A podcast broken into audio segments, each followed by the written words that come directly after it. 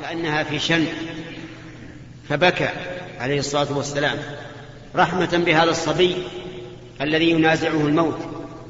فقال له الأقرع, الأقرع بن حابس ما هذا؟ قال إنها رحمة وإنما يرحم الله من عباده الرحماء. فبكاء النبي صلى الله عليه وسلم على هذا الصبي ليس من أجل الحزن لكن رق له ورحمه حيث إنه ينازع الموت. وقال إنما يرحم الله من عباده الرحماء جعلنا الله وإياكم منه ومن ذلك أيضا البكاء الذي تقتضيه الطبيعة حزنا على فراق المحبوب كما حصل للنبي صلى الله عليه وسلم حين مات ابنه رضي الله عنه ابنه إبراهيم من ماريها القبطية التي أهداها إليه ملك, ملك القبط.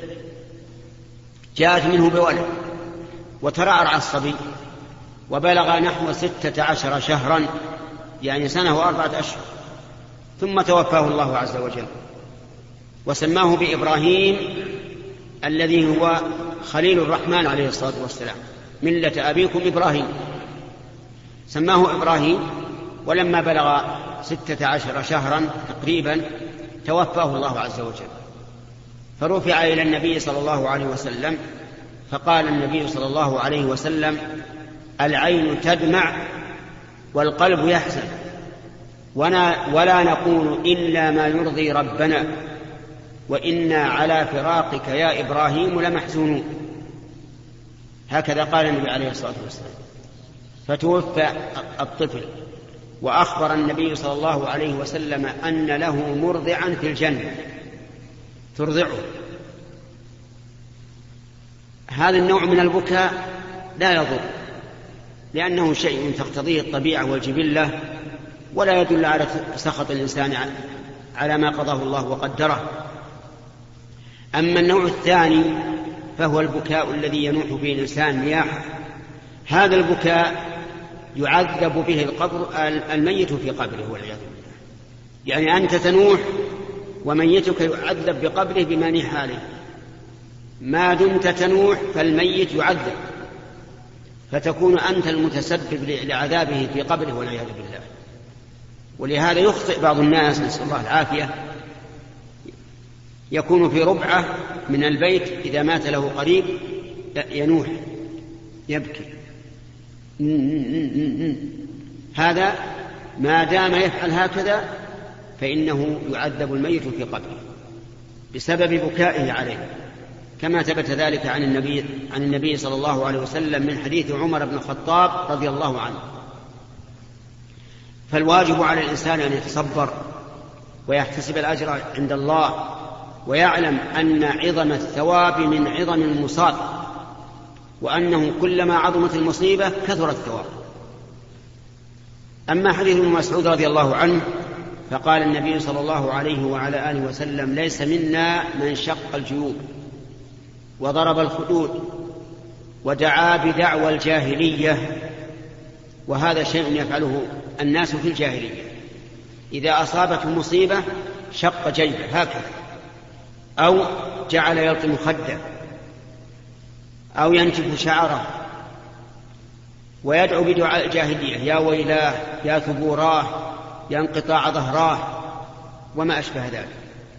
فتبرأ النبي صلى الله عليه وسلم من هؤلاء لأن المؤمن مؤمن بالله مؤمن بقضاء الله يعلم أنه لا يمكن أن تتغير الحال عما كان وأن هذا أمر قضي وانتهى.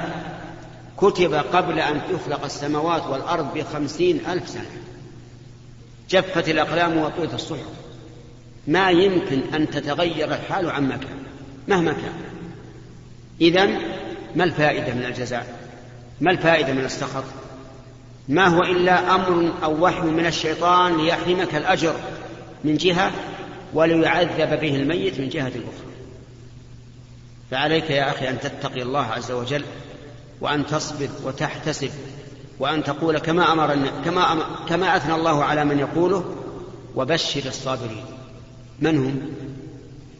الذين إذا أصابتهم مصيبة قالوا إنا لله وإنا إليه راجعون. وقال النبي صلى الله عليه وسلم ما من مسلم يصاب بمصيبة؟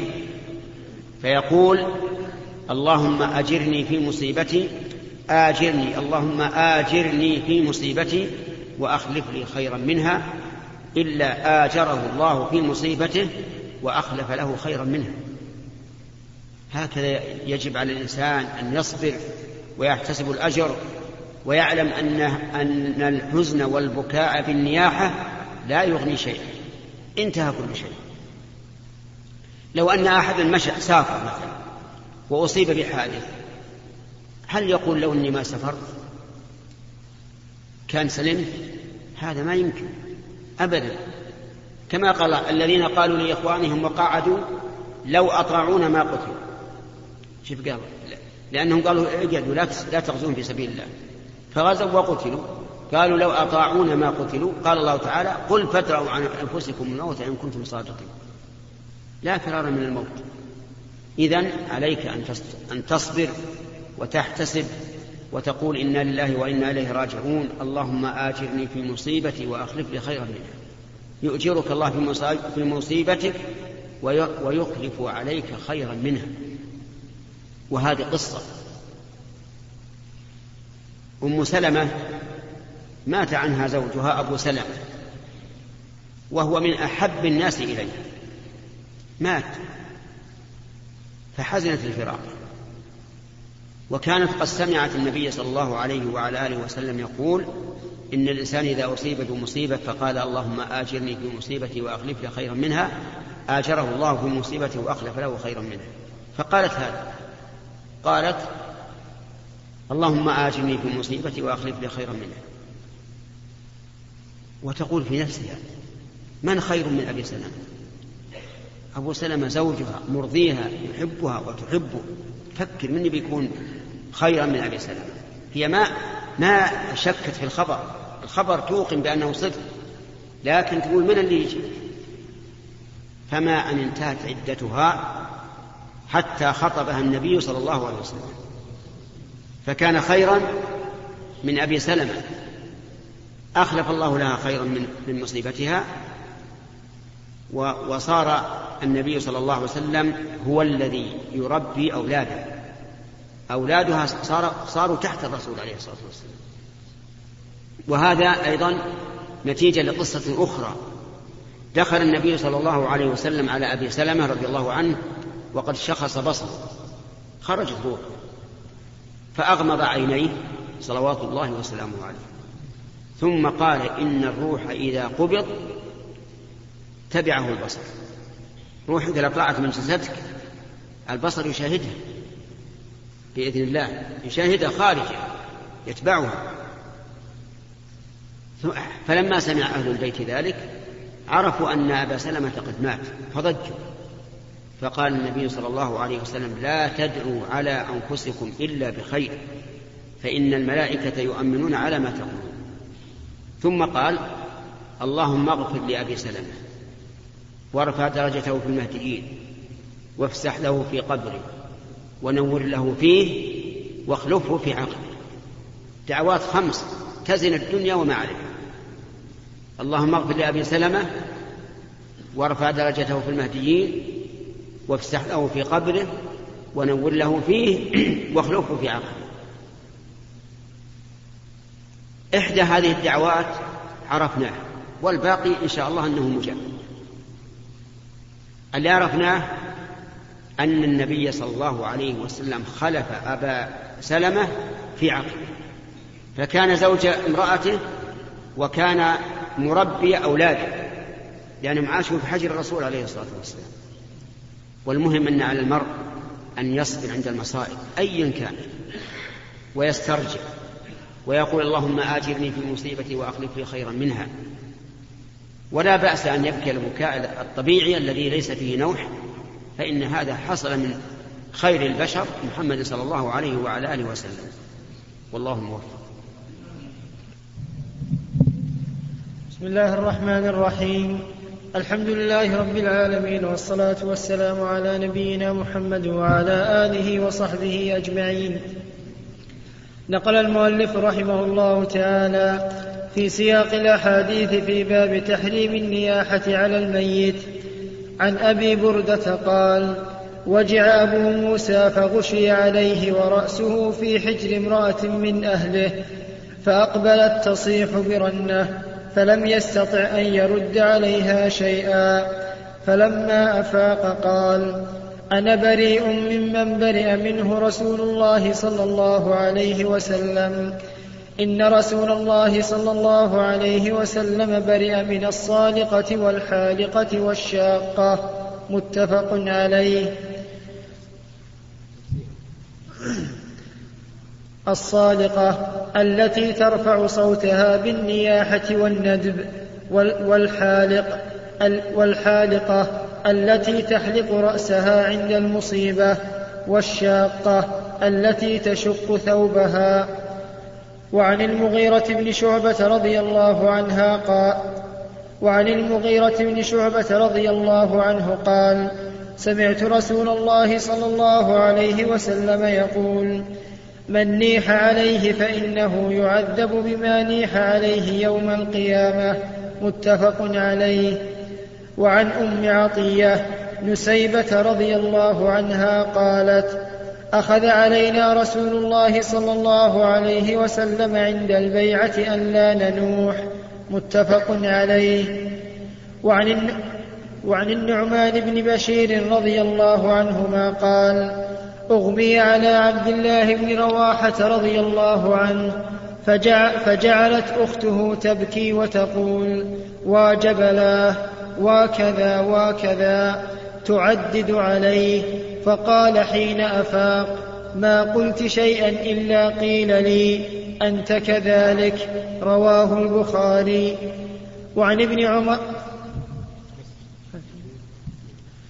وعن ابن عمر رضي الله عنهما قال اشتكى سعد بن عبادة رضي الله عنه شكوى فأتاه رسول الله صلى الله عليه وسلم يعوده مع عبد الرحمن بن عوف وسعد بن أبي وقاص وعبد الله بن مسعود رضي الله عنهم فلما دخل عليه وجده في غشية فقال أقضى؟ قالوا لا يا رسول الله فبكى رسول الله صلى الله عليه وسلم. فلما رأى القوم بكاء النبي صلى الله عليه وسلم بكوا. قال ألا تسمعون؟ إن الله لا يعذب بدمع العين ولا بحزن القلب ولكن يعذب بهذا وأشار إلى لسانه أو يرحم متفق عليه.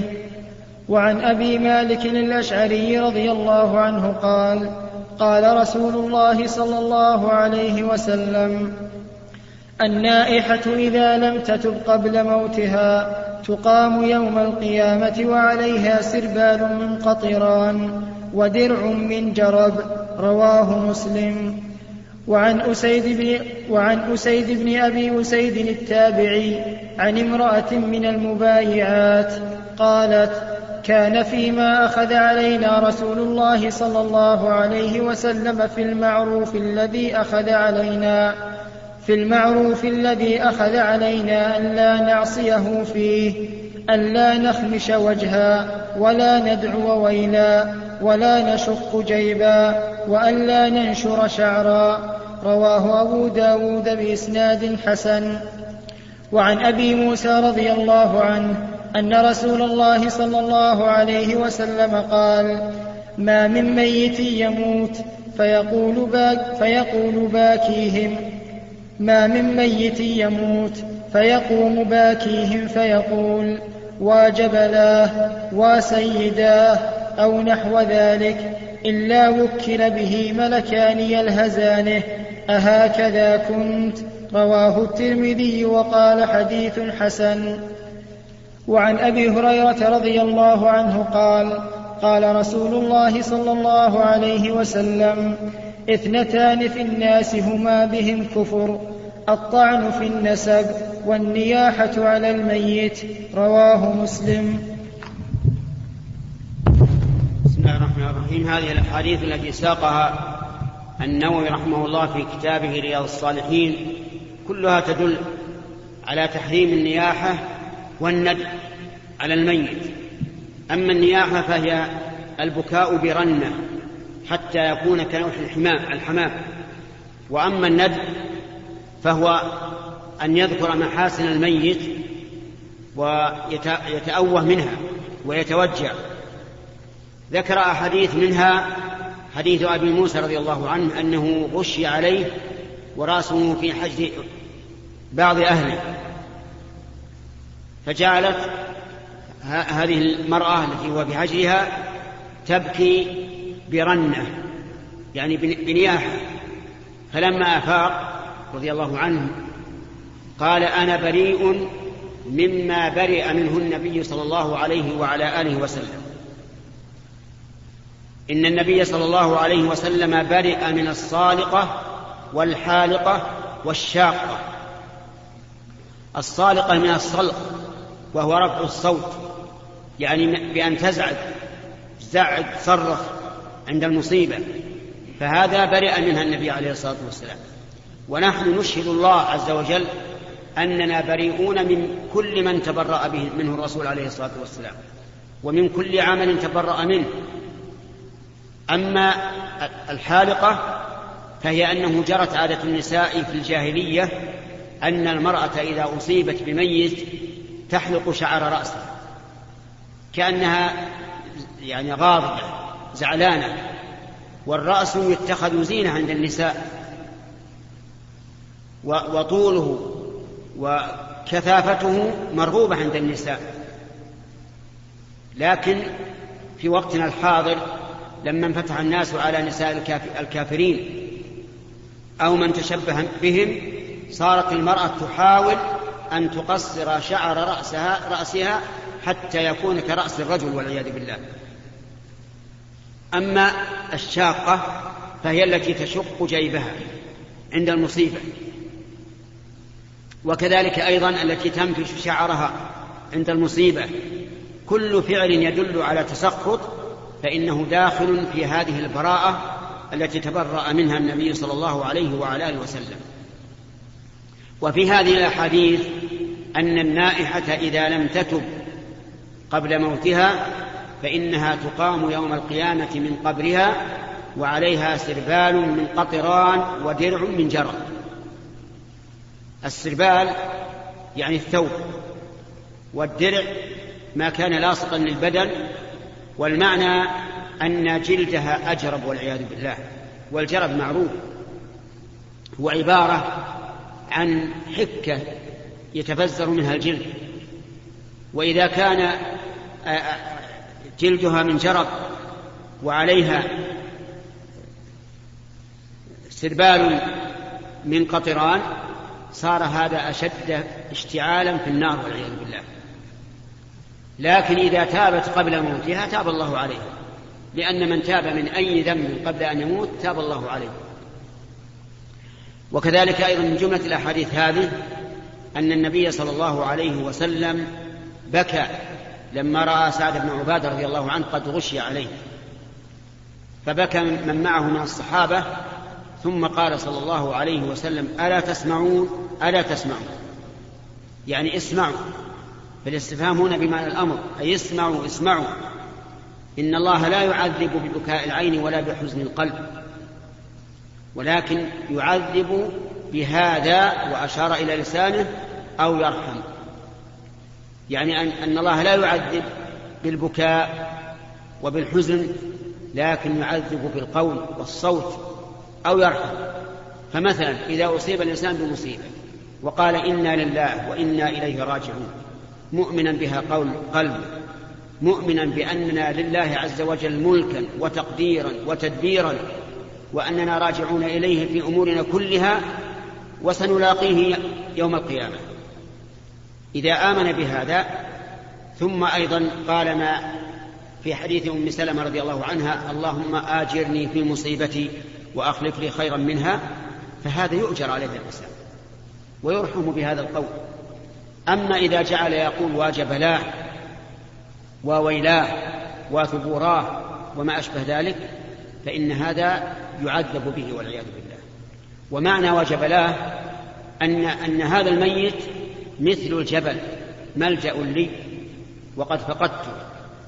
فهو عبارة عن ندب مع مع مدح فالحاصل خلاصة هذه الأحاديث أن البكاء الذي يأتي بمجرد الطبيعة لا بأس به.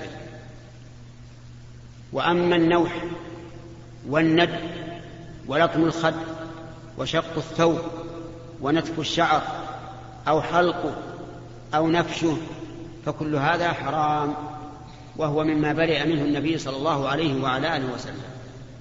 والله موفق. بسم الله الرحمن الرحيم. الحمد لله رب العالمين والصلاة والسلام على نبينا محمد وعلى آله وصحبه أجمعين.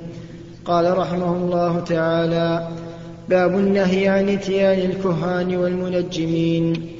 عن عائشة رضي الله عنها قالت سأل رسول الله صلى الله عليه وسلم أناس عن الكهان فقال ليسوا بشيء. فقالوا يا رسول الله إنهم, إنهم يحدثونا أحيانا بشيء فيكون حقا.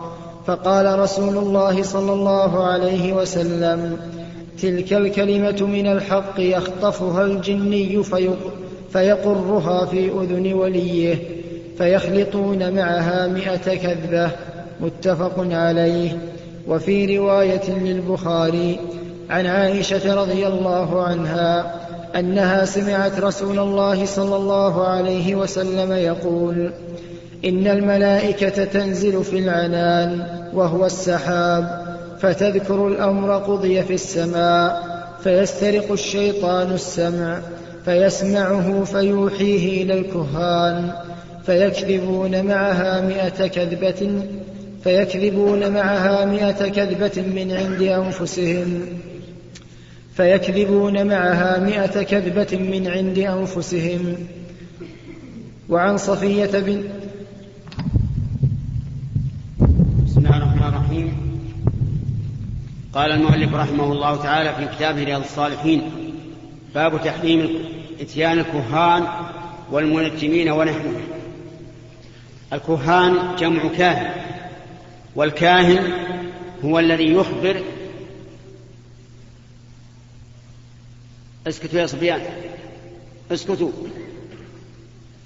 الكاهن هو الذي يخبر عن المغيبات في المستقبل. فيقول مثلا سيكون كذا وكذا في يوم كذا وكذا. أو يقول للإنسان ستكون سعيدا في اليوم الفلاني أو سيصيبك حادث في اليوم الفلاني أو ما أشبه ذلك. هؤلاء هم الكهان. وأما المنجمون فهم الذين يمتهنون علم النجوم يعني يتخذونه مهنة. ولكن علم النجوم ينقسم إلى قسمين جائز ومحرم. نتكلم عن الكهان. الكهان هم أناس من بني آدم. لهم أولياء من الجن. والجن أعطاهم الله تعالى قدرة عظيمة على الأشياء. سرعة وقوة. فهم يصعدون إلى السماء. ولكل واحد منهم مقعد معين. يسترقون السمع أي ما يسمعونه من الملائكة. فيقضي الله تبارك وتعالى الأمر في السماء ثم يخطفون منه شيئا فينزلون به إلى أوليائهم من البشر من بني آدم. وهم الكهان.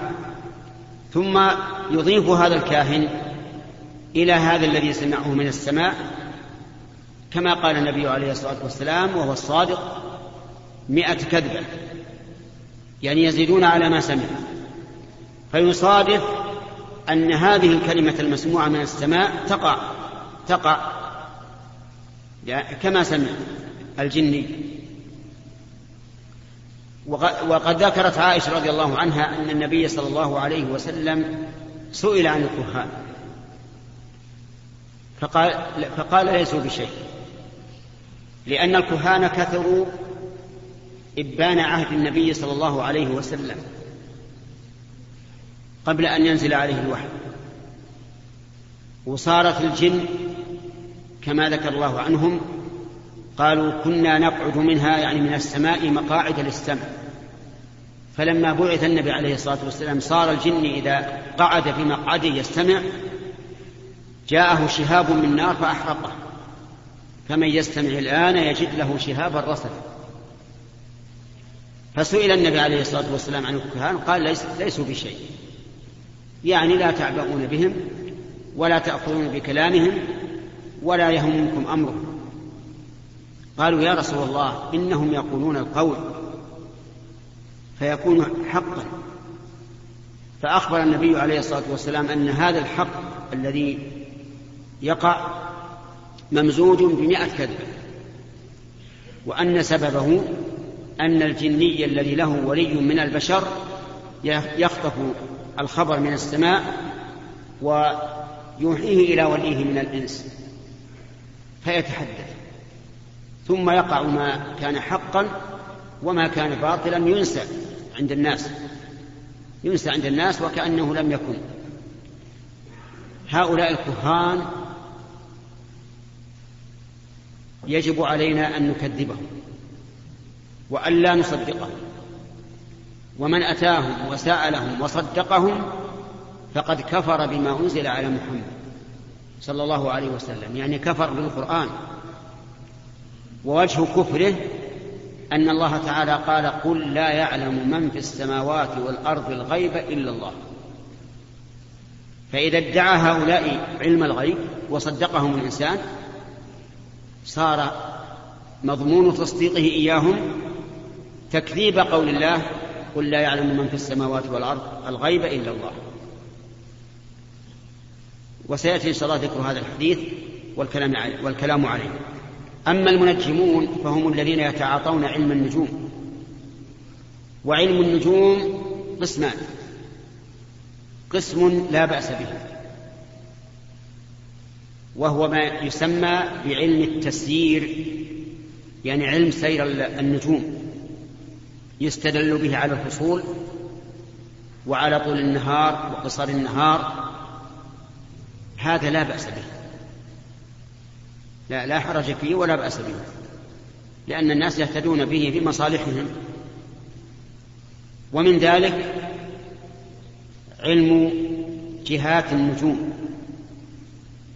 مثلا القطب الشمالي معروف جهة الشمال آه الجدي معروف قرب القطب من ناحية الشمال يستدل بها على القبلة وعلى الجهات. قال الله تعالى وألقى في الأرض رواسي أن تميد بكم وأنهارا وسبلا لعلكم تهتدون وعلامات يعني الجبال. وبالنجم هم يهتدون. يهتدون في ظلمات البر والبحر. إذا إذا لم يكن سحاب يغطي النجوم اهتدوا بها. فمثلا القطب هنا في القصيم إذا أردت أن تستقبل القبلة اجعله خلف أذنك اليمنى. إذا جعلته خلف أذنك اليمنى فقد استقبلت القبلة. وفي كل منطقة وجهة بحسبها فصار علم التسيير ما يتعلمه الإنسان للزمان والمكان. للزمان مثل الفصول. ودخل وقت الشتاء دخل وقت الصيف. والمكان الجهات يستدل بها الجهات هذا لا بأس به. وأما القسم الثاني فهو علم, علم التأثير.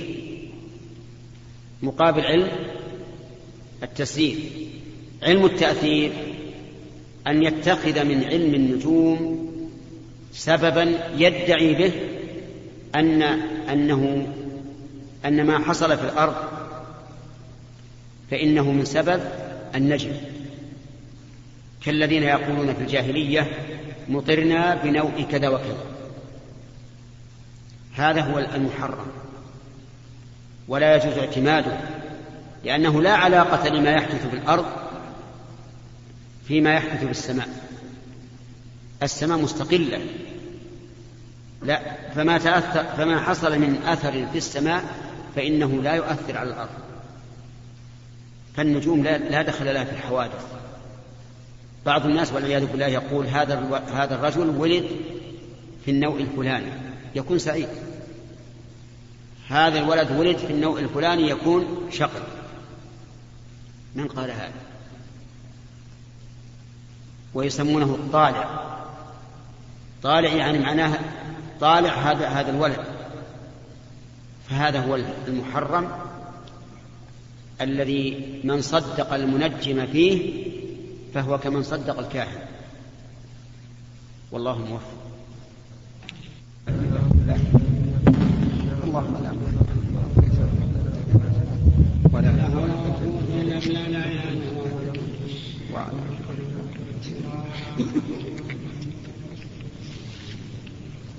بسم الله الرحمن الرحيم. الحمد لله رب العالمين والصلاة والسلام على نبينا محمد وعلى آله وصحبه أجمعين. نقل المؤلف رحمه الله تعالى في سياق الأحاديث في باب النهي عن إتيان الكهان والمنجمين ونحوهم. عن صفية بنت أبي عبيد عن بعض أزواج النبي صلى الله عليه وسلم ورضي الله عنها. عن النبي صلى الله عليه وسلم قال من أتى عرافا فسأله عن شيء فصدقه لم تقبل له صلاة أربعين يوما. رواه مسلم. وعن قبيصة بن المخارق رضي الله عنه قال سمعت رسول الله صلى الله عليه وسلم يقول العيافة والطيرة والطرق من الجبت. رواه أبو داود بإسناد حسن. وقال الطرق هو الزجر أي زجر الطير وهو أن يتيمن أو يتشاءم بطيرانه. فإن طار إلى جهة اليمين تيمن وإن طار إلى جهة اليسار تشاءم. قال أبو داود والعيافة الخط.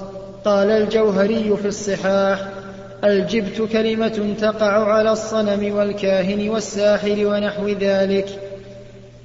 وعن, وعن, ابن, وعن ابن عباس رضي الله عنهما قال قال رسول الله صلى الله عليه وسلم من اقتبس علما من النجوم اقتبس شعبة من السحر زاد ما زاد. رواه أبو داود بإسناد صحيح. وعن معاوية بن الحكم رضي الله عنه قال قلت يا رسول الله إني حديث عهد بالجاهلية وقد جاء الله تعالى بالإسلام وإن منا رجالا يأتون الكهان. قال فلا تأتهم. قلت ومنا رجال يتطيرون. قال ذلك شيء يجدونه في صدورهم فلا يصدهم. قلت ومنا رجال يخطون. قال كان نبي من الأنبياء يخط فمن وافق خطه فذاك. رواه مسلم. وعن أب وعن أبي مسعود البدري رضي الله عنه قال أن رسول الله صلى الله عليه وسلم نهى عن ثمن الكلب ومهر البغي وحلوان الكاهن. متفق عليه.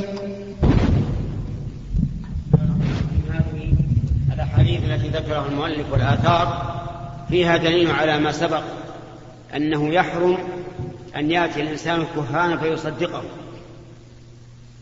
فمن أتى عرافا فسأله لم تقبل له صلاة أربعين يوما وإذا سأل مجرد ما يسأل العراف ومنه الكاهن لا تقبل له صلاة أربعين يوما فإن صدقه فقد كفر بما أنزل على محمد صلى الله عليه وعلى آله وسلم.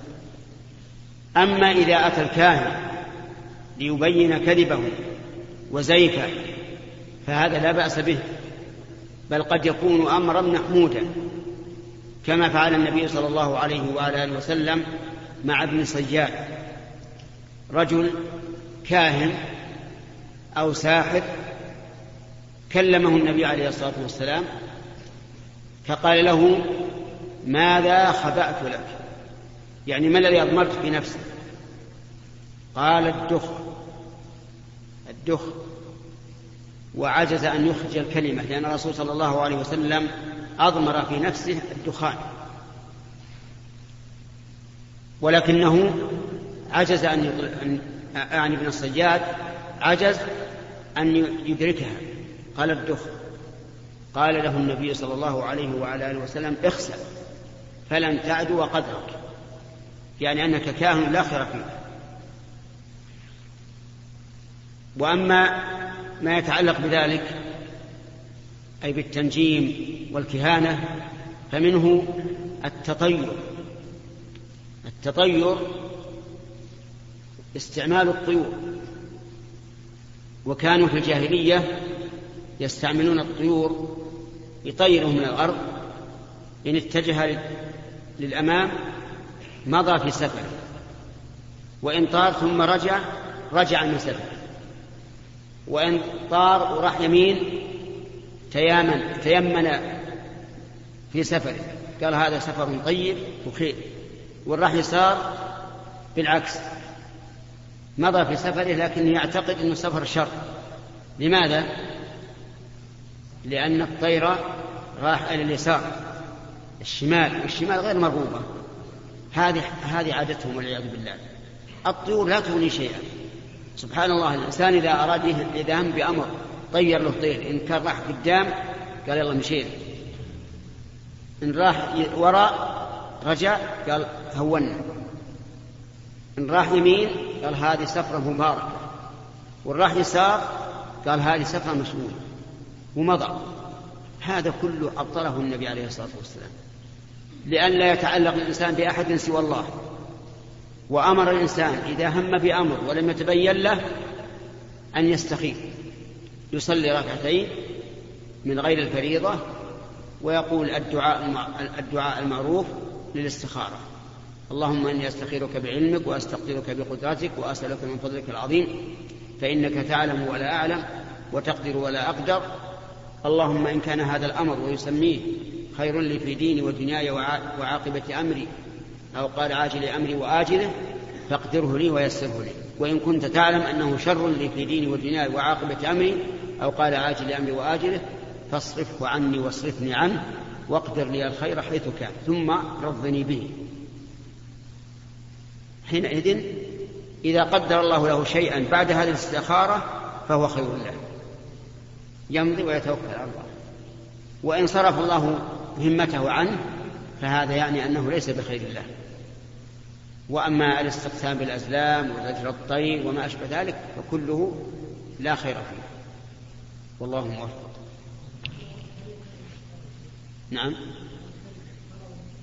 لا إذا لم يتبين أمري يكرر. سبحان الله سبحان الله سبحان الله.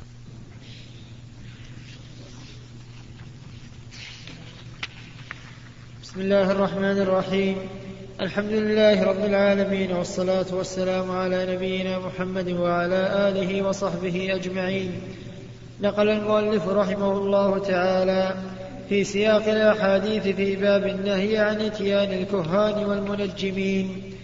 عن أبي مسعود البدري رضي الله عنه قال أن رسول الله صلى الله عليه وسلم نهى عن ثمن الكلب ومهر البغي وحلوان الكاهن. متفق عليه. بسم الله الرحمن الرحيم. هذا الحديث آخر حديث في هذا الباب باب النهي عن إتيان الكهان والمنجمين ونحوهم. وهو أن النبي صلى الله عليه وعلى آله وسلم نهى عن ثمن الكلب ومهر البغي وحلوان الكاهن.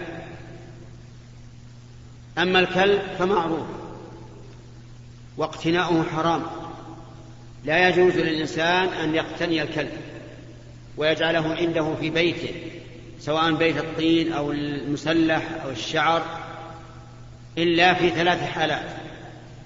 كلب الحرث يعني الزرع وكلب الماشية يعني الغنم الإنسان عنده غنم أو إبل أو بقر يتخذ الكلب ليحرسها.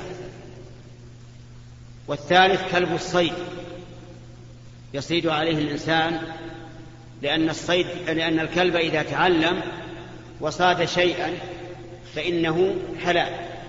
فلو كان عند الإنسان كلب معلم وأرسله على أرنب مثلا, مثلا ثم صادها وقتلها فهي حلال. لأن الله تبارك وتعالى قال اليوم أحل لكم الطيبات وطعام الذين أوتوا الكتاب حل لكم وطعامكم حل لهم والمحسنات من, الم... من الذين من المؤمنين والمحسنات من المؤمنات والمحسنات من الذين أوتوا الكتاب من قبلكم. وقال طعام الذين أوتوا الكتاب حل لكم وطعامكم حل لهم. كذلك أيضا يقول ما علمتم من الجوارح المكلفين. تعلمونهن مما علمكم الله فكلوا مما أمسكن عليكم واذكروا اسم الله عليه واتقوا الله إن الله سريع الحساب. فهذه الثلاثة كلب الحرث والماشية والصيد هذه يجوز للإنسان أن يقتنيها. وما عدا ذلك فاقتناؤه حرام. والكلب أخبث الحيوانات في النجاسة لأن نجاسته مغلظة.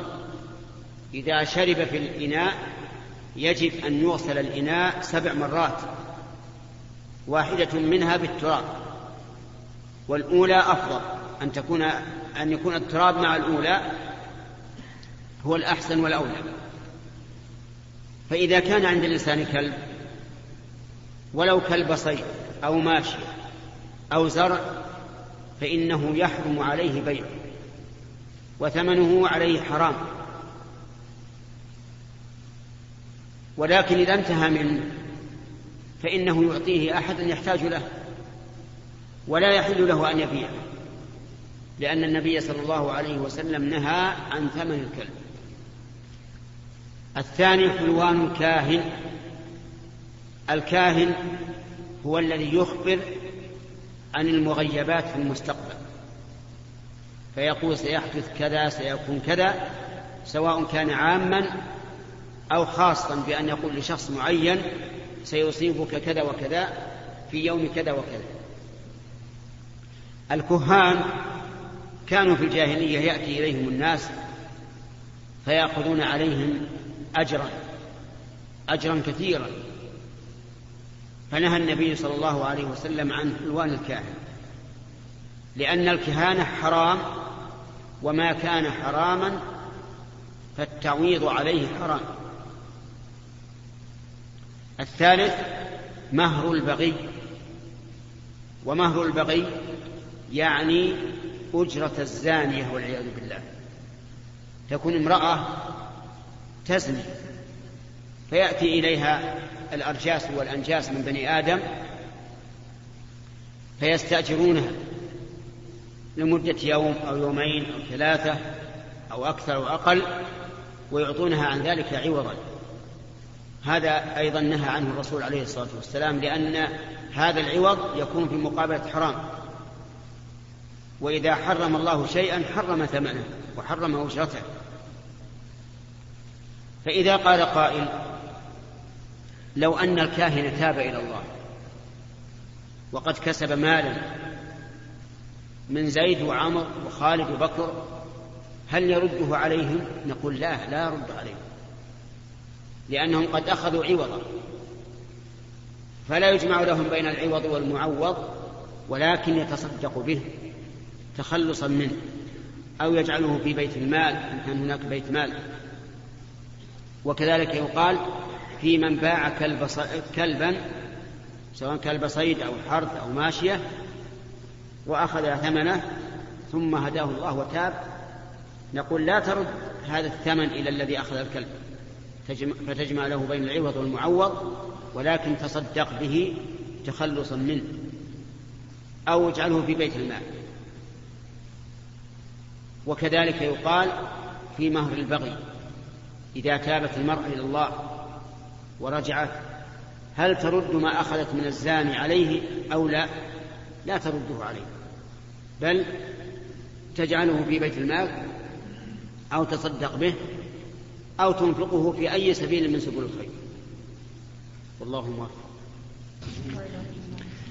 بسم الله الرحمن الرحيم. الحمد لله رب العالمين والصلاة والسلام على نبينا محمد وعلى آله وصحبه أجمعين. قال رحمه الله تعالى باب النهي عن التطير. عن أنس رضي الله عنه قال قال رسول الله صلى الله عليه وسلم لا عدوى ولا طيرة ويعجبني الفأل. قالوا وما الفأل؟ قال كلمة طيبة. متفق عليه. أيها الإخوة في ختام هذه المادة نسأل الله أن نلقاكم في لقاءات متجددة.